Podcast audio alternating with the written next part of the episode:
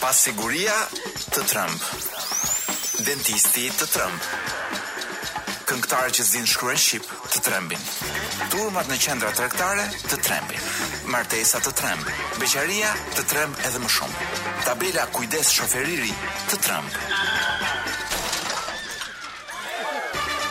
Çmimet e shtëpive të trembin, kredia të tremb. Po ky është një emision që nuk ju tremb. Sot nuk është e hënë.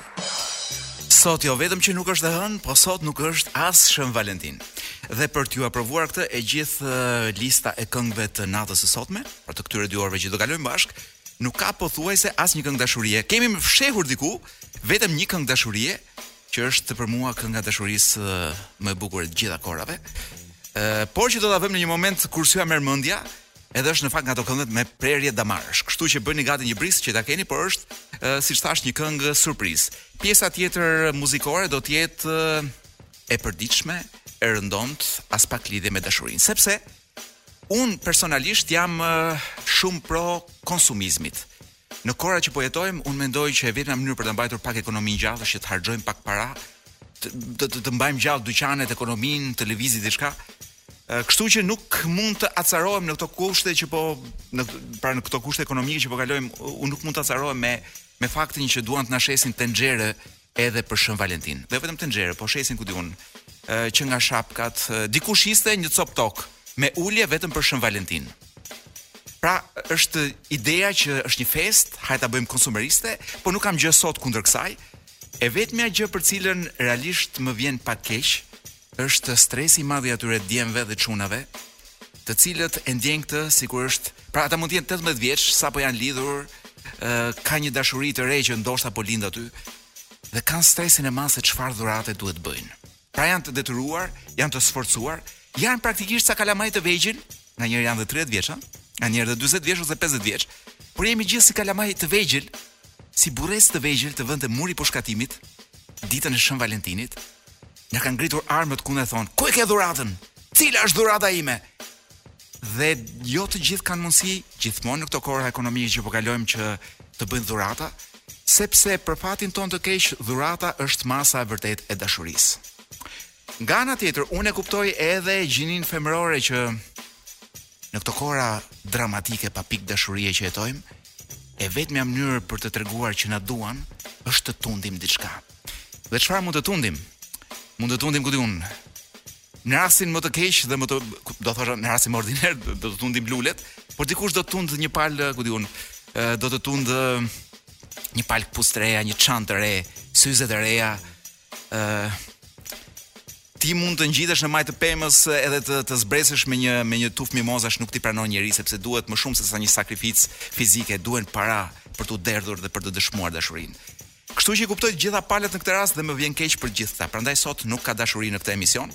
Ama kemi nisur emisionin DJ Wizin, sot nuk e kemi në studio, unë kam nderin e madh që këtë emision ta bëj me si të thërrasin DJ Kloj, DJ e, Okej, okay, do edhe një herë. A Kloe. Po. Kemi unë po e thërras Kloe vetëm. ë uh, që është nga të paktat vajza që qëndron në pultin e transmetimit, në regjinë e transmetimit duke bërë muzikë për popullin shqiptar. Prandaj dhe e duam shumë këtu në radio. Do të jemi me Kloen deri në fund të të këtij programi. DJ Wizin, ju që e keni dëgjuar, por nuk e keni parë, sot është nata kur ju mund ta shihni. Më duket se është në Marina Bay, më duket këtu. seç është një Marina, Marina andej nga Vlora, kam dëgjuar që DJ Wizi ka marrë edhe një stilolaps me majë shumë të fortë për të firmosur autografe. Me sa di unë, ai preferon të firmosë vetëm në sutjena, ose në kanatiere të djersitura çunash. Ë, uh, merrni edhe një palë shapka me gisht që t'jua firmosi dhe t'ju japi një autograf atje dhe t'i keni përgjatë gjithë verës me autografin e DJ Wizit. Në Marina diçka është ai, kështu kështu sikur dëgjova. E mbyllëm dhe me këto anoncimet e darkës, ku jemi? Ah, po, për të larguar të gjithë të dashuruarit nga radio, kemi një këngë të fortë. Po nuk është këngë e fortë, kjo është një këngë që u zë me shpulla e kemi mbas një blloku publicitar. Ylli orbital të tremb. Të trembin. Po ky është një emision që nuk ju tremb. Sot nuk është e hënë. Edhe pse nuk është shumë e vërtetë që ky emision nuk ju trëmb, sepse ajo këngë kënga që vumë pak më përpara, sigurisht që ju ka trëmbur pak. Është një grup suedez, Sabaton, Kanë nëntë albume dhe të të nënta i kanë për luftën. Domethënë, me sa di unë seç kanë edhe disa skandale në aty në vendin e tyre sepse ka një mënyrë të tyre se si e shohin luftën, madje edhe Rusinë e shohin në një dritë tjetër. Rusinë, Stalinin e tjera e tjera. Sapo kanë nxjerrë një album, do mban era luftë. Po na afrohet lufta, e tha edhe presidenti. Dhe thirri njerëzit më të fortë të Shqipërisë për t'i përballur kësaj krizës së madhe që po vjen në Ukrainë. Jemi tek pjesa e lajmeve të javës së kaluar. Jemi përpjekur, meqenëse ishte një ditë kështu si e çelur, me diell, me mimoza të shkulura nga pemët etj etj, dhe menduam që t'ju sjellim lajme sa më të këndshme. Lajmi i parë, një lajm shumë pozitiv, nga lajmet më të mira që kam dëgjuar këtë vit, kanë kapur afër ishullit të, Zaz të Sazanit një breshkë të llojit kareta kareta. Pa dashur të bëjmë shaka të, të, të pista me emrin, kjo është një breshkë realisht e rrallë. Në Itali po të panë me një kareta kareta në dorë, ta këpusin ballit, po, do milicët, më fal karabinierët ta, ta këpusin ballit një plumb pa paralajmërim. Do kaq e rrallë është dhe kaq e mbrojtur është. Peshkatarët e paskan lëshuar përsëri në det dhe ky m'u duk lajm shumë i bukur, një gjest mirësisht fisnik, Peshkatarët në fjalë nuk janë të huaj, janë peshkatarë vlonjatë, çka tregon që Vlora pak nga pak po integrohet me Europën dhe vetëm turpi përpara kryeministrit Rama i mban sepse ata do kishin shpallur autonominë nga Shqipëria dhe do ishin bërë tashmë pjesë integrale e Puljas. Por edhe ky asesi ka marrë domethënë mendjen me me ato flokët e bardhë edhe me atë ngjashmërinë që ka krijuar me me Ismail Qemalin. Edhe bujqësia vuan për punonjës, është lajmi tjetër, merret vesh, pra është marrë vesh javën e kaluar që 30 gra nga Nepali do të vijnë të punojnë në Lushnjë. Domethënë vijnë nga Nepali në Lushnjë sepse nuk ka më gra Lushnja. Ë, domethënë gratë e Lushnjës janë pak a shumë janë bërë kareta kareta dhe ato. një specie në zhdukje. Si ia bëjnë lushnjarët pa gra nuk e di. Ë, por në Lushnje të jesh grua do thotë që ose do ikësh jashtë shtetit, o do bëhesh patronazhiste ose drejtoreshë e Rilindjes. Dhe kush do e punojë tokën? Unë me DJ Ankloen do punojmë tokën. Jo. Do shkojnë ta punojnë gocat nga Nepali. Edhe pse ka thashetheme që gjithë këta që vijnë nga Azia e largët, në të vërtetë vijnë në Shqipëri sepse e kanë si trampolinë. Si me thënë, Lushnja është trampolinë për në Stuttgart. Domethënë përplas këmbët në Lushnje edhe pastaj kolpo atë goditjen tjetër e bën në Stuttgart ose ku di unë në një vend tjetër të Europës. Ë bujqësia vuan për punonjës e thamë, kapen tre ton kafe kontrabandë në Kukës, tre persona në hetim. Mm, një gropë e madhe në treg, tre ton kafe kontrabandë, shokët e mi të varur nga kafeja. Le të themi që në këtë moment janë shumë në ankth se ç'do ndodhë më tej. Pra, a do të mundet Shqipëria t'i plotësojë nevojat e tyre për kafe apo jo? Piktura ruse vandalizohet nga roja e sigurisë që i vizaton sytë nga mërzia. Ky ishte një ishte një lajm i botuar në gjithë mediat angleze të paktën e pashë unë. Ë ngjarja ndodhte diku në Moskë, mos gabohem. Roja i sapopunësuar mërzitej shumë gjithë ditën tek dera e muzeut. Muzeu më duket ishte muzeu me emrin Jelcin, Dhe pa një nga ato piktura që është me një vlerë shumë të madhe, e pikturë e viteve 1930, ëm një nga ato piktor, piktoreshat, pikturistet e avantgard e avantgardës ruse, dhe vendosi që t'i bënte disa rrathë disa fytyrave që ishin pa sy, sepse ashtu i kishte konceptuar piktorja këtu e 100 vjet përpara. Dhe rusi tha, ku shkojnë këto pa sy dhe i bëri ca sy. Është pak a shumë e njëjta gjë që bën dhe kryeministri jonë Rama, po vetëm se zoti Rama bën me hartën e Tiranës dhe me hartën e Shqipërisë sot. Ç'është ky vend bosh këtu? vër një kullë aty. Do nuk i duron dot boshllëqet. Një lloj si ky roja rus. Ë një lajm tjetër edhe ky m'u duk shumë gazmor nga Italia. Ë në konkursin për karabinier në Itali paskan bërë dhe pyetje me Pokemon.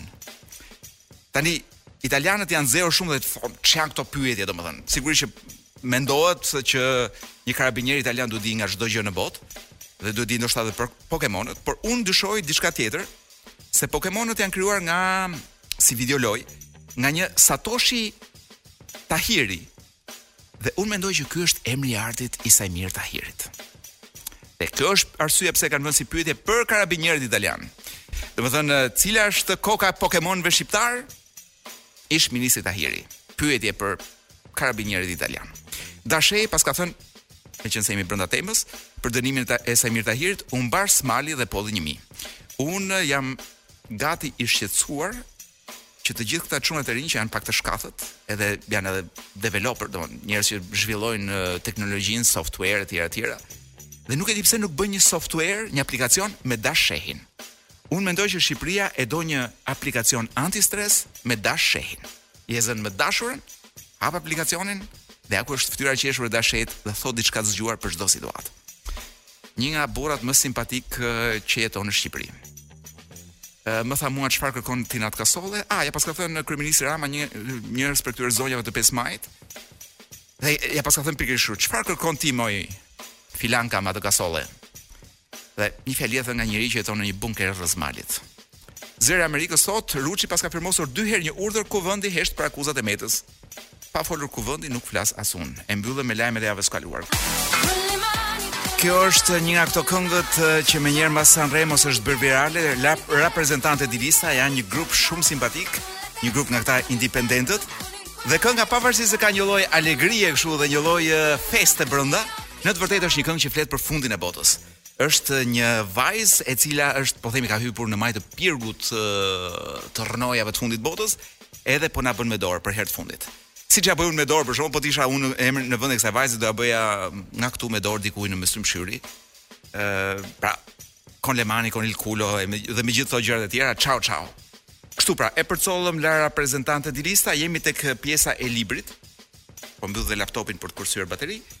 Ë, libri që kam në dorë edhe këtë javë është nga ë Borges, Libri këtë radhë është Alef, është një libër botim i vjetër, në fakt është ky që kam në dorë unë është botim i vitit 2002. Kam vendosur që për 3 javë rresht lexoj diçka nga Borgesi, nga libra të ndryshëm. Sepse është një nga do thoja unë shkrimtarët më të veçantë edhe më simpatik për të mos përdorur fjalën interesant të të gjitha kohërave.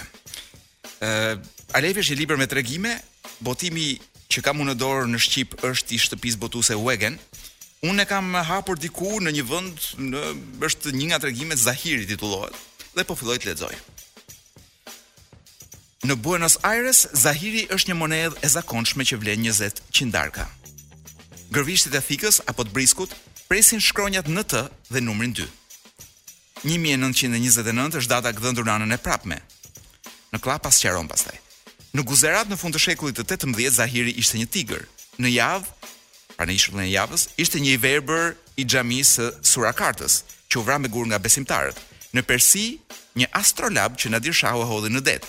Në brigjet e Madit, rreth vitit një mijë e tetëqind e nëntëdhjetë e dy, një busull e vogël e mbështjellë në një copë çallme që e preku Rudolf Karl von Slatin.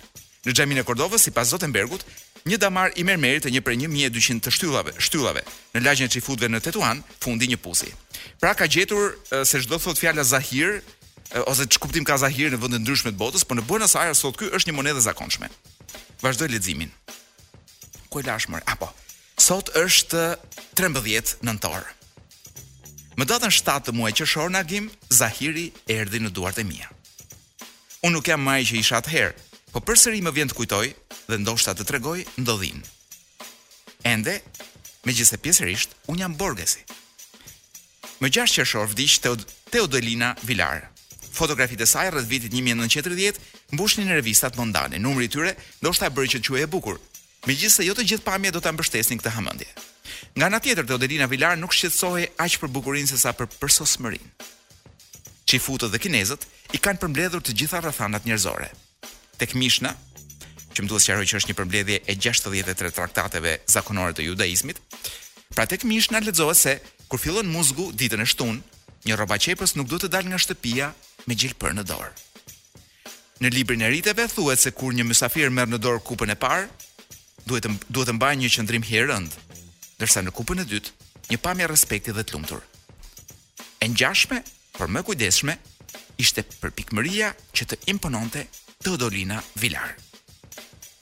Ajo kërkonte ashtu si besimtari i Konfucit apo ndjekësi i Talmudit, drejtësinë e përsosur të çdo veprimi. Por angazhimi i saj ishte më i adhurueshëm dhe më i vështirë, meqenëse rregullat e fesë së saj nuk ishin të përjetshme, por thyheshin përpara tekave të Parisit apo të Hollivudit. Ky shpjegon gjatë këtu për uh, vetitë e kësaj Teodolinës, unë po i bie pak shkurt për të kaluar çik më poshtë, uh, ku autori shkruan Pra, me gjashtë qershor Teodolina Vilar bëri gabimin të vdiste në mes të lagjes jugore. Vallë, do të tregoj dot që, i shtyrë nga ndjenja më e çiltër e pasioneve të pastra, snobizmi, unë kisha rënë në dashuri me të dhe se vdekja e saj më bëri të derdhja lot? Ndoshta lexuesi e ka kuptuar këtë. Por meqenë, meqenëse unë kapërceva shumë faqe ku ky shpjegon për Teodolinën, ndoshta ne si lexues akoma mund të mos e kemi kuptuar këtë. Vazhdoj leximin. Gjatë ndërkohë që Inkloe më tregon kur vjen koha për ta prerë leximin. Pra unë do lexoj derisa të më japi shenjë. Po. Yy, pas kemi mjaftueshëm për ta mbaruar tregimin. Gjatë kohës së lutjeve dhe përgjimit të kufomës, përshpejtimi i prishjes bën që i vdekuri të rifitojë pamjet e tij të mëparshme. Në një nga fazat e natës së turbullt të gjashtë qershorit, se po ktheja faqen, Teodolina Vilar si me magji qe ajo që kishte qenë 20 vjet më parë. Tiparet e saj rimorën autoritetin që të japin kryelartësia, paraja, rinia, vetëdija për të për të kurorëzuar një hierarki, mungesa e përfytyrimit, mundësitë, matufepsja. Pak a shumë mendova, asnjë formë e kësaj fytyre që më shqetësoi aq shumë do të më kujtohet sa kjo. Ndodh që të jetë e fundit, meqenëse ka qenë e para. E lashë të ngrirë midis luleve. Përçmimi ishte bërë i përsosur nga vdekja. Do të ketë qenë ora dy pas mesnate kur dola. Jashtë, rreshtat e parashikuara të shtëpive të ulëta dhe të shtëpive dykatëshe kishin marrë pamjen e çuditshme që e kanë zakon të marrin gjatë natës, kur hija dhe qetësia i thjeshtësojnë. I shushatur nga një mëshirë pothuajse e papërcaktuar, eca nëpër rrugë. Në cepin midis rrugës Kili dhe Takuari pashë një pijetore të hapur.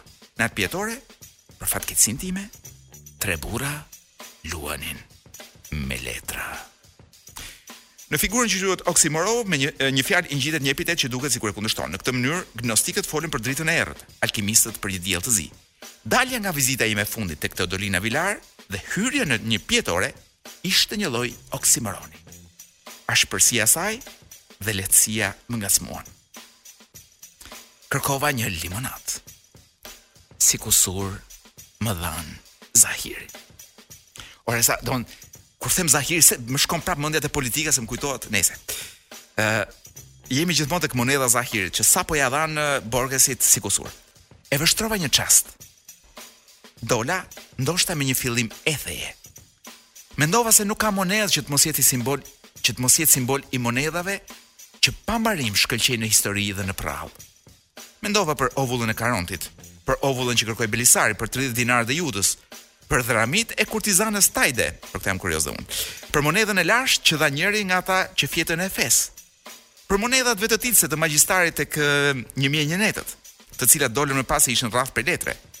Për parat e pasosura tek të Isak Lakuedemit, për 60000 monedhat prej argjendi, një prej secilit varg të një epopeje, të cilat Firdusi ia ktheu një mbreti sepse nuk ishin prej floriri. Për atë një ons flori që Ahabi e mbërtheu në direkun e anijes, për forintën e pakthyeshme të Leopold, Leopold Blumit, për Luigjin, figura e të cilit denoncoi pranë Varenës të arratisurin Luigji 16. Pra, kjo është një listë me monedha, Si në një ëndërr, mendimi se çdo monedhë lejon lidhje të tilla të shkëlqyera, m'u duk, megjithëse e pashpjegueshme, me rëndësi të madhe. Me shpejtësi, gjithnjë e më të madhe, përshkova rrugët dhe sheshet e shkreta. Çfarë do ndodhë me këtë me në, në këtë tregim dhe në këtë libër, ju duhet ta gjeni vetë duke e blerë, duke kërkuar librin. Sepse Inkloe sapo më dha shenjë që është momenti për t'ju lëshuar Një këngë, një rock, një rock latin. Jam bërë fans i rockut latin, po eksploroj rockun latin dhe grupi javën e kaluar, qoftë se ju kujtohet, ju prezantova me një grup rocku argjentinas. Tani kemi një rock, një grup rocku nga Kili. Ë, janë shumë modernë dhe shumë bashkohorë. Ëh, kënga besoj se lexohet Llueve sobre la ciudad. Dhe këta janë Los Bunkers. Ky ishte versioni rock i Shi bie në Tiranë, sepse mm, edhe kjo kënga për shiun flet. Po për një qytet diku në Kili, ndoshta është e qyteti që e thrasin Concepcion. E kam dëgjuar nëpër telenovelat latine. Dikur kam qenë, kam qenë dhe unë prej telenovelave latine. Ishin Los Bunkers, rock eh, nga Kili, nga grupet më të mira të rockut bashkohor nga Kili, por uh, Kili paska, me çka kam kuptuar kohët e fundit, një uh, do thoja një falangë rockerësh që nga vitet 60 e kusur. Në vitet 60 uh, nuk e di ç'bënim ne. Po di që bënim këngë me parti dhe me mbjellje dhe me korra të mira dhe me vajza të lumtura që prashitin uh, prasët në fshatin socialist. Ndërkohë që në Kili bëj rrok, e çfarë rroku. Atëherë, është sot nuk është Shën Valentin, por ky është momenti kur ne do ju lëshojmë një këngë dashurie. Është një këngë dashurie që çuditërisht më kujton ose më sjell në mend gjithmonë një çift që vjen po themi nuk e di nga ku. Ndoshta vjen nga shumë nga periferia e Tiranës, mund të vijë ndoshta edhe nga më larg, nga Kamza, nuk e di nga një vend tjetër. Pra, është një grup njerëzish që Tiranën jetojnë shumë afër Tiranës, po nuk nuk e jetojnë, nuk nuk e ndjejnë Tiranën dot. Dhe vijnë në qendër me raste festash, ëm Shën Valentini mund të jetë një nga këto festa. Dhe dikur kam qenë dhe unë ë, nga këta snobët racistët që thonë, do kishim një lloj kështu, "A, a, ja, po pushtohet qyteti etj etj.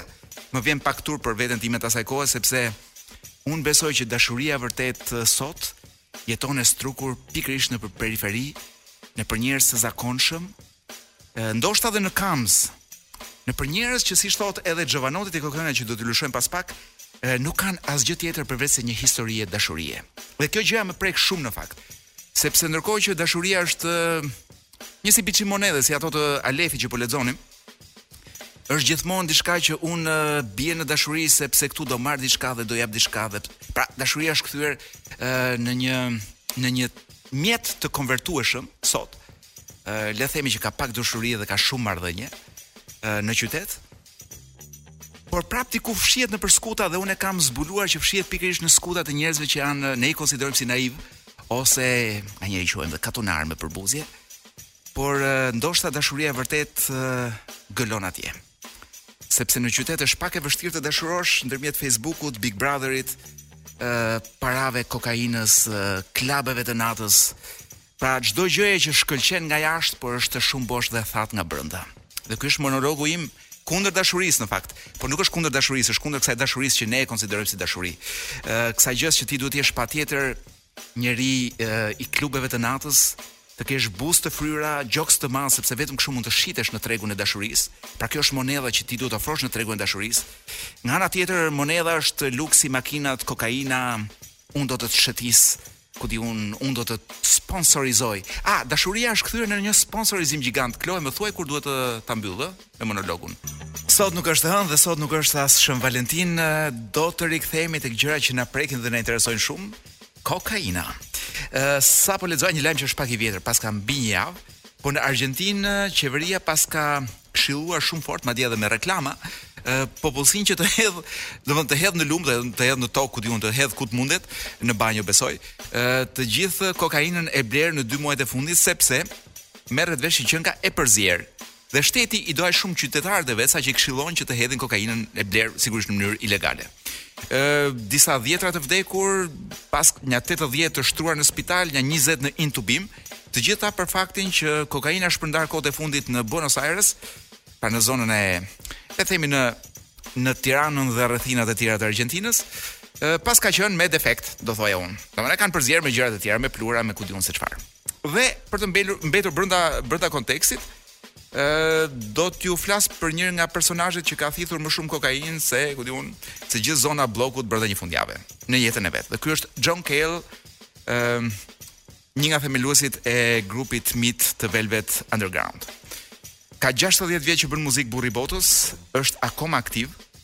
Është një personazh shumë, shumë i veçantë, edhe simpatik, zbulues talentesh. Ky ka produ ka qenë producenti i parë për Patti Smith edhe The Stooges, ndër të tjera. Dhe një eksperimentues i jashtëzakonshëm për muzikën flas, jo për drogët. dhe do t'jua sjell, po jua sjell në vëmendje sepse kam shkëputur nga një prej albumeve të tij më të mira, më të mira në shijen time, ë sepse nuk është shumë eksperimental ky si album, ë ka ca gjëra të mira, se është, ka një atmosferë kështu. Albumi titullohet Paris 1919, po edhe kënga që dua t'ju propozoj është pikërisht me këtë titull, Paris 1919. E ka kompozuar këtë album në kohën kur gjyshja juaj nuk ishte lindur akoma, në vitin e largët 1973. Si bie sot, fix sot e o kloj më bëj pak llogaritë, domethënë 50 e 1 vjet. Jo, 49 apo 51, 51 vjet përpara. 49 vjet përpara. Ë, pra 49 vjet përpara ky zotria bënte këtë këngën që ju do ta dëgjoni tani. Kjo nuk është thjesht një këngë, kjo është ky është një film në fakt. Duke dëgjuar ti befas po themi në qoftë se je duke ecur me makinë diku në në rrugët plot pluhur të të kombinatit, mbase jo pluhur, po me me me llumra, me gjëra, me smogra, me ku di unë se çfarë. Në radio ndizet kjo kënga edhe ti befas ke marr një kthesë Dhe nuk je më në kombinat, po je në Parisin e 1919-s. Vaudeville komplet. E dëgjoni tani nga John Cale në Top Albania Radio. Ju rikujtoj, sot nuk është e hënë. Sot nuk është as Shën Valentin. Mua pagjumësia më trëmb. Dhe unë do ju ftoja që për Shën Valentin t'i dhuronit njëri-tjetrit një natë gjumi të qetë. Sepse pandemia e vërtetë, meqenëse kjo që kemi me sa duket është në dalje e sipër ose në transformim e sipër, pandemia e vërtetë që ka qenë këtu që më përpara është ajo e pagjumësisë. Nga njerëzit e zgjedhur vetë sepse njerëzit mendojnë që duke ndënjur pa gjumë, thon, ë rrim pa gjumë sepse kanë frikë se humbasin gjëra që ndodhin kur ata janë zgjuar, dhe gjëra që ndodhin janë kryesisht gjëra në në në ekranin e televizorit. Ë, por një pjesë njerëzish bëjnë ku diun jetë nate, sforcojnë veten dhe epidemia e vërtetë, siç thash, është kjo e pagjumësisë. Bota vuan nga një pagjumësi klinike, klinike ë, dhe kronike. Ë, sepse është një sëmundje shumë e rëndë që është shkaktare e gjithë sëmundjeve të tjera. Kështu që në luftën kund luftën për gjumin dhe kundër pagjumësisë, un kam vendosur të jem i pari, domethënë, domethënë në ball të luftës. Prandaj dua t'ju them ja dy gjëra të bukura në lidhje me gjumin, me dëshirën që t'ju stimuloj pak po themi një lloj marrëdhënie të mirë për krevatin tuaj dhe me krevatin tuaj. Në gjumë ndodhin shumë gjëra të mira për trupin dhe për mendjen tuaj dhe ndodh edhe diçka shumë e mirë kreative. Pra truri i njeriu është kreativ sidomos mbas një gjumi të mirë.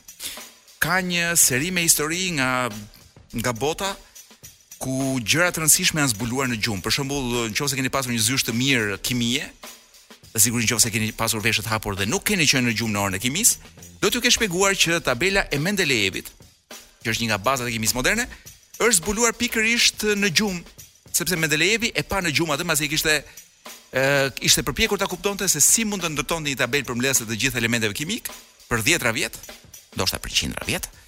Ë dhe mas tre netësh pa gjumë thot legjenda, ra në një gjumë të thellë dhe pastaj në ëndërr pa tabelën, u ngrit me vrap e shkruajti dhe ja ku është sot për t'ju torturuar ju në orën e kimisë. Po, dhe jo vetëm kaq, por të kalojmë te gjëra më të gëzueshme, për shembull, Frankensteini.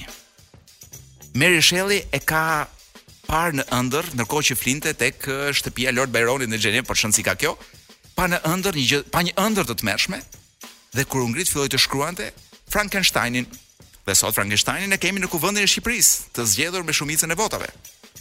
Dhe për ta mbyllur, sepse nuk dua zgjatem shumë, ë një nga ose disa nga këngët më të bukura në historinë e muzikës janë krijuar pikërisht në gjumë. Për shembull, në qoftë se ju jeni familjar me me me Beatlesat, uh, Yesterday, që është uh, unë do thoja kënga më e bukur që McCartney ka shkruar për Beatlesat, është uh, edhe Let It Be madje. Ë uh, ky zotëria i ka parë në ëndër të dyja. Dhe është ngritur në mes të natës, ka hedhur nja dy nota dhe të nesërmen i ka bërë këngë. Ë uh, për t'u shkëputur nga Beatlesat, Një nga këngët që është, do thoja unë, një nga shtyllat e mëdha të rockut dhe të rock and rollit botëror, Satisfaction. I cannot get, I can get no satisfaction. Ë Keith Richards e ka parë në gjumë, e ka parë në ëndër dhe tregon dhe një histori madje. Thotë që unë nga që shihja vazhdimisht dëgjoja ose përjetoja melodi në ëndër, mbaja një një fletë shënimi, një kitar, edhe një edhe një regjistrues pranë krevatit. Në një nga këto tur, këto, më fal, në një nga këto turne që ka bërë diku në Amerikë, ë zgjohem në mëngjes dhe shoh që regjistruesi im kishte shkuar kaseta deri në fund. Po nuk mbaja mend që të kisha regjistruar gjë në mes të natës. E ktheva kasetën mbrapsht. Dhe në fillim të kasetës unë kisha hedhur notat e para të Satisfaction E cila pastaj u bë kjo kënga që ne dëgjojmë dhe sot. Pastaj mas kësaj kënge, nja 40 minuta në kaset, pjesa tjetër e kasetës domethënë, ishte thjesht gërhimat e Keith Richards që ishte rikthyer në gjumë. Të gjitha këto për t'ju treguar mrekullit që bën gjumi. Tani ne, ne nuk presim nga ju që të na shkruani këngë. Ne presim nga ju vetëm që të flini mirë dhe kur të ngriheni mas një gjumi të qetë mos rrifni gratë, mos u bërtisni kalamajve, Mos ulërisni nëpër rrugë dhe të mos i bini borive si të çmendur. E dini pse i pse i bimë ne borive si të çmendur në Shqipëri? Nga pagjumësia më merret goja. Kjo është ora ime e gjumit në fakt. Nganjëherë kam një orë kështu gjumi që më vjen papritmas. I biem borive sepse jemi shumë të stresuar. Jemi stresuar sepse nuk flem gjumë. Kështu që për gjumin edhe për uh, Rolling Stonesat do t'ju sjellim një version të Satisfaction nga dhjetra për të mos thënë qindra uh, artistë që e kanë kënduar këtë këngë, unë zgjodha atë që më preku më shumë. Mund të kisha zgjedhur dhe Aretha Franklin në fakt, por uh, unë kam një emocion të veçantë me këtë Jose Felicianon. edhe me kitarën e tij. Kështu që versioni për të mos e sjell nga Rolling Stones se mund ta keni dëgjuar me dhjetra herë, versioni që do japim sonte është pikërisht nga Jose Feliciano Satisfaction I can't get no satisfaction në Top Albania Radio. I can't get satisfaction. Yeah. I can't get no satisfaction. Ky version është kënduar diku 67-68, kënga vetë është e 1965-ës. Edhe ja ku jeton akoma, në Top Albania Radio. Dua t'ju flas për një temë që në fakt e kam vjedhur, do thoja në thojza, nga një debat i bër i bër me dy zotërinj nga Belgjika, që janë dhe artistë ndër të tjera, dhe po diskut, po diskutonin bashkë me mua për narkoestetikën. Nga ky debat arrita të kuptoj që Pa e kuptuar në Shqipëri jemi të gjithë nën efektet e narkoestetikës. Narkoestetika është në fakt, nuk e di nëse mund ta përkthej si term, ë është një term perëndimor, po do përpiqem mund ta përkthejmë si një si estetika e gjërave të një vendi, duke filluar nga muzika, nga pamja deri te jeta e qefit, e cila në fakt stimulohet apo varet nga shijet e çunave të shtëpive të barit.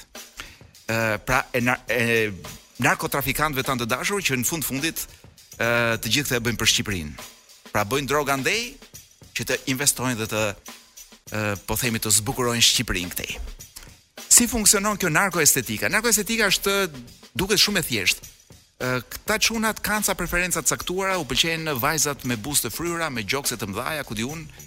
Dëgjova Kloe që Kim Kardashian, jo Kim, po gjithë Kardashianët po vendosin të heqin implantet që kanë në prapanicë. Kështu dëgjova. Është sigurisht që është një arritje shumë e madhe sepse e kuptuan dhe ato domethënë që ajo është një narkoestetikë. Çfarë ndodh? Ë të gjithë vajzat duan djem jo vetëm të mirë, domethënë ku di unë të pashëm simpatik, po duan dhe shumë siguri. ë uh, u pëlqen pak edhe jeta e qefit e tjera e tjera. Dhe sigurisht uh, duan të jenë të preferuar në këtë tregun e jetës së qefit. Dhe çfarë ndodh?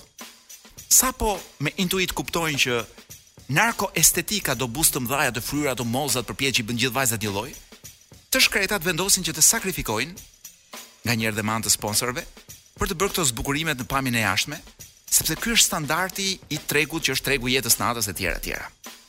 I cili për fat keq në vende si Shqipëria përcaktohet nga narkoestetika, sepse këta janë çunat që kanë para për të harxhuar. Por edhe muzika e klubeve të natës është në përgjithësi në shijen e këtyre, sepse këta janë ata që darovisin. Këta janë ata që lëvizin ku di unë shampanjat nga 500 nga 500 euro shishja dhe nuk e pinë. Por qëllimi është që t'i shohin të tjerët me shampanjë aty, pastaj duhet porositur tjetra. Ë kam dëgjuar legjenda të tipit që na silli nja 3-4 arka me shampanjë nga kjo më e shtrenjta sepse i duam, jemi nja 3 veta që do vim për për të bërë qejf këtu. Pra klubet e natës dhe gjithë muzika dhe gjithçka është në shërbim të narkoqejfit. Dhe siç thashë, ata kanë arritur tashmë që të krijojnë standarde që janë bërë popullore. Unë nuk do the, nuk do të them me këtë që çdo vajzë që bën buzët apo ku di unë mollëzat apo gjërat e tjera është një vajzë e cila po kërkon një narkotrafikant për t'u lidhur, në mënyrë absolute jo. Por kjo lloj estetike bëhet mainstream. Pra bëhet gjëja kryesore në një vend ose modeli kryesor se si duhet të jetë një femër e bukur. Dhe pastaj shumë të tjera mendojnë që kjo është gjë që duhet bërë. Dhe kemi një qytet ku të gjitha femrat i ngjajnë njëra tjetrës. Sepse kalojnë ndoshta edhe nga njëra dorë që i çpon, ku di un, i bën ato stimulimet me silikona dhe me gjëra. Por kemi harruar, dhe meqenëse është edhe Shën Valentini, që gjithë kjo sakrificë që bëjnë e bëjnë për hir të narkoestetikës, sepse vetë këto nuk ndjen asgjë. Un me ç'kam dëgjuar, ato gjokset e fryra dhe ato buzët e fryra në të vërtetë janë pa pa ndjesi fare. Pra, ato kanë buzë të fryra, por jo për kënaqësinë e tyre se nuk ndjejnë më edhe kur puthin. Por kënaqësia i duhet dhënë atij tjetrit. Ë, kështu që sepse Siç thash narkoestetika në këtë periudhë, të paktën në këto vite i do buzët e trasha. Kështu që ku trashen buzët Klo e di gjë? Jo sepse ta dim sepse herë mas herë dhe ne domethënë kaq shumë është prezente kjo narkoestetika në Shqipëri sa që edhe mua më vjen nganjëherë them, "Ore, mos mos vallë duhet shtoj në gj- në gjoks të vë çik silikon ose ku di un, mos vallë duhet të fryj dhe un buzët sepse kështu është standardi për të gjithë." Dhe në këtë formë pra na ndikon në gjitha format, pra në gjitha në gjitha fushat e jetës dhe shkon deri në ekran. Sepse çunat e narkotrafikut, për cilët kam një simpati të veçantë se siç thash, janë të vetmit që kontribuojnë në ekonominë e këtij vendi. Dhe u duhet hequr kapelja, sepse ata janë FMN-ja e vërtetë e Shqipërisë. Çunat e narkotrafikut preferojnë dhe goca televizioni. Dhe prandaj televizionet janë mbushura me këtë lloj estetike, me këtë lloj fryrje buzësh e të tjera të tjera, sepse me shumë të drejtë, njerëzit që kontribuojnë më shumë në ekonominë e Shqipërisë kërkojnë që edhe të po themi të marrin ajkën e apo kremin e vajzërisë shqiptare dhe kremi është vetëm në TV. në Shqipëri në qoftë se nuk del në televizor, je një askushi. Dhe kështu pra, që nga muzika e deri te ku di un dashuriçkat, çdo gjë, lloji i pijes që konsumohet, lloji i qefit që bëhet në këtë vend, i gjithi varet ë nga narkoestetika. A do ndryshojë kjo gjë dhe si mund ndryshojë kjo gjë? Po unë nuk jam kryeministri të dashur miq dhe nuk kam asgjë në dorë në këtë vend. Kështu pra, masi e nxorrëm dhe merakun e narkoestetikës, do t'ju lëshojmë një bllok reklamash më duket. Po, një bllok reklamash simpatik dhe ky, mbas të cilit për ta përshtatur dhe me temën që që po trajtonim, kemi kemi një këngë nga Muse. Këta ishin Muse me Hysteria në Top Albania Radio. Mos u largoni nga radio për dy gjëra. E para sepse erdhi ora e seksit, edhe në mungesë të DJ Wizit ne do të flasim për seksin, por sepse mbas Muse kemi një do thoja një grup independent ë uh, simpatik nga Belgjika, i cili bën një mix shumë të bukur mes swingut, charlestonit, pra këto muzikat e vjetra, po me elektron, me hip-hopin. Ç'tu them, një lahtari për veshët. Gjë shumë e bukur, domethënë. Të rikthehemi tek seksi. Meqenëse jemi në periudhë pak si të ngarkuar emocionale, pse mos flasim për një temë që do thoja unë i prek të gjithë herët a vonë. Gratë beqare, të cilat kanë një tërheqje seksuale nga burrat e martuar. Kjo është tema vërtet e Shën Valentinit në Shqipëri. E do thonë që mua s'më prek, mua s'më prek, askush se di se kë prek. Në këtë vend që jetojmë, unë mendoj që i prek të gjithë nga pak, herët a vonë. Ë, por tema do trajtuar nga pikëpamja shkencore, si gjithmonë në orën tonë të seksit. Çfarë kemi këtu? Kam ndarë veçmas disa studime në lidhje me temën. I pari është shumë interesant. Tregon se është bërë studimi, po themi me me disa qindra gra, Dhe është kuptuar që në fillim ato kanë thjesht kanë ndarë nga fotot burrat apo meshkujt apo djem që ju janë dukur simpatik. Pra thjesht që ju janë dukur simpatik. Pastaj në momentin që u është thënë që disa janë të martuar dhe disa janë beqar, preferenca për beqarët ka rënë në mënyrë të ndjeshme. Ka rënë, domethënë, dy të tretat e beqarëve ka rënë menjëherë poshtë. Ëh, sepse dhe kjo na bën të kuptojmë atë që e kemi pra shkenca na bën të kuptojmë atë që ne mendonim që e dinim që burrat e martuar befas janë më tërheqës për gratë se sa burrat beqar. Çështja është pse? Me sa duket dhe këtu vjen në ndihmë një studim tjetër, Ëm kryesisht vajzat e reja dhe ato pa shumë eksperiencë, zgjedhin këta burrat e martuar ndaj beqarëve sepse dhe ky studim është publikuar tek revista Human Nature, sepse ato janë në kërkim të sigurisë. Dhe burrat e martuar në një farë mënyre ofrojnë një lloj sigurie. Madje, madje, gjatë këtij studimi është parë që këto kanë hedhur poshtë burra të cilët kishin 3, 4, 5 apo 6 le t'i quajmë fejesa në gjuhën tonë. Dhe u pëlqenin sidomos burra që ishin të martuar vetëm një herë, sepse me sa duket te këta burra që martoheshin vetëm një herë, siguria që ato përjetonin apo ndjenin, ë me sa duket ishte më e madhe. Por sigurisht nuk është vetëm kjo, ka edhe edhe pra tek fakti që gratë beqare preferojnë burrat e martuar, sigurisht që ndërhyjnë edhe edhe problemet psikologjike, nuk do t'i quaja probleme psikologjike, por më shumë profilet psikologjike. Ë uh, hasa dhe një term që nuk di si ta përkthej në shqip, pëlqeu shumë. E quajnë personaliteti need for drama. Pra personaliteti i njeriu që e do dramën në jetë, patjetër.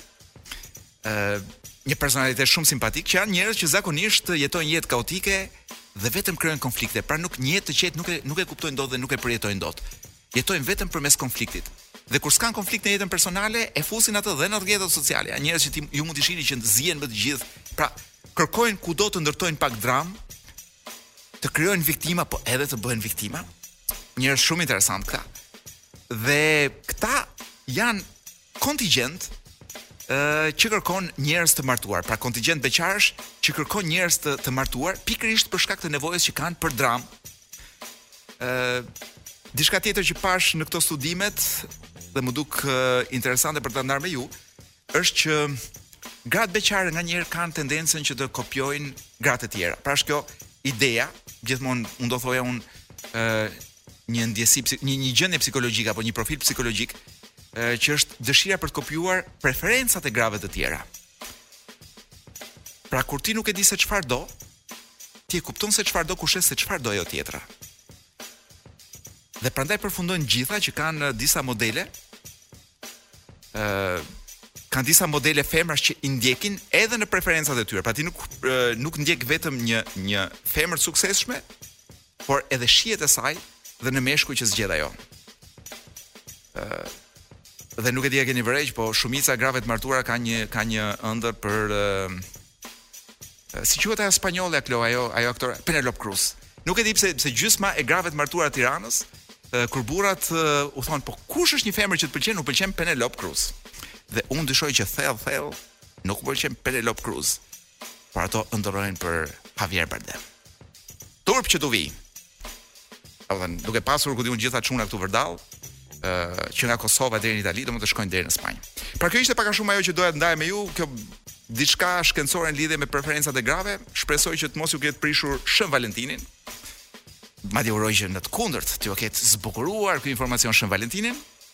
Qoftë se jeni njerëz për Shën Valentinin, tani rikthehemi tek ai propozimi muzikor që thamë që do ju bëjmë është ky grupi Lyre Le Temps. Është allafrënga sepse është grup nga Brukseli. Siç thashë bën një mix zhanresh. Kjo kënga Summer Leaves është ka një lloj swingu, por shumë është shumë elektro, pra shumë moderne dhe bashkëkohore. Siç e prezantuam, këta janë Lyre Le Temps me Summer Leaves, po e dëgjoni ndoshta për herë të parë, ku i dihet, në hapësirën muzikore shqiptare në Top Albania Radio. Dhe jemi shumë afër fundit të këtij udhëtimi dramatik do thoja unë dhe aspak uh, romantik uh, pra dy orë të tilla uh, në valët e radios jemi shumë afër fundit, po unë nuk mund të largohem pa ndarë diçka tjetër me ju. Po nuk e di për cilën t'ju flas, t'ju flas për shtrigat dhe për shtriganët dhe pse shumë gra u persekutuan si shtriga apo t'ju flas për këtë grupin e metalit thresh nga Irani, të cilët i dënuan me kamzhikim në mes të Teheranit madje. Ë, uh, Inkloe vendosi që të mos dëgjojmë më për shtriga se boll folëm sot domethënë për dashurinë. Do boll nuk folëm sot për dashurinë, kështu që s'ka pse ta tepërojmë me shtriga, do flasim për shkurtimisht për këtë grupin um, e metalit thresh nga Irani. Ca çuna që vendosën të ishin si përëndimor dhe të prodhonin uh, një lloj zhanri muzikor që nuk është shumë i zakonshëm. ë sido ka shpërthyer në vitet 90, ka pasur me sa di unë në vitet 80 dhe 90 kulmin e vet. ë dhe pastaj tani jeton si një subkulturë ë në disa qejflinj të muzikës që dallohen sepse kanë dhe ku di unë flokë të gjata, veshin ca bluza të zeza e të tjera të tjera. Dhe këto gjëra nuk mund të bëhen në mes të Iranit. Për të mos thënë që këta ishin dhe pak si ateistë. Domethënë në tekstet e këtyre ishin kundër fesë, kishin ca Në fund fundit secili ka të drejtën e vet të këndojë për çfarë të dojë dhe si t'i dojë. Është kurse e drejta juaj është që të mbyllni veshët dhe të mos e dëgjoni. Dhe pikërisht për këtë qeveria iraniane ose administrata iraniane vendosi që t'i mbasi t'i përgjonte për disa vjet rresht, t'i dënonte për krime kundër njerëzimit, vetëm për tekstet e tyre të këngëve. dhe pjesë e dënimit ishte edhe kamzhikimi publik, ë të cilin këta kanë akoma në shpinë. ë u dënuan në burg, dolën nga burgu, survejoheshin, arritën të arratiseshin, tani jetojnë në Norvegji, një jetë të re dhe nga Norvegjia kanë prodhuar një album të ri, ku flasin për gjithë gjërat që u kanë bërë bashkë me kamzhikimet. Duke qenë se muzika thresh është pak e rëndë për veshin tuaj në një natë si kjo, por për veshin e gjithëve, Kam vendosur që ta dëgjoj për veten time, por jo t'jua jap juve. Në qoftë se keni një lloj kurioziteti, grupi quhet Confess dhe mund ta gjeni në gjitha platformat muzikore edhe në YouTube madje. Madje.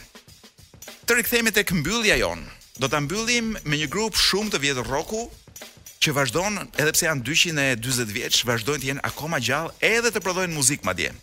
Dhe sapo do nxjerrin një album, kanë nxjerrë një dy një dy singla siç i thonë, kjo kënga që do t'ju propozojmë sonte mua më pëlqen. Por qoftë për faktin që janë Skorpionsat me cilët ku di unë ë baballarët dhe ndoshta gjyshërit tuaj janë rritur që të vegjël. Dhe pavarësisht se gjyshërit mund mos jenë më gjallë Skorpionsat vazhdojnë dhe bëjnë muzikë. Tash pse mos e ndajmë këtë këngë të re të tyre? Siç thashë janë njerëz 120 vjeç, më i riu prej tyre. Janë mosha të mëdha. Ndoshta vuajnë edhe nga hernia, por kitarrat nuk i lëshojnë. Kënga titullohet Seventh Sun, e dëgjoni tani përmbyllje, si më thënë, për përmbyllje në këtë natë të sotme nga Skorpioncat unë ju lë një takim mbas një jave ju uroj një javë të qetë edhe me gjumë shumë Seventh, Seventh Sun nga Scorpions në Top Albania Radio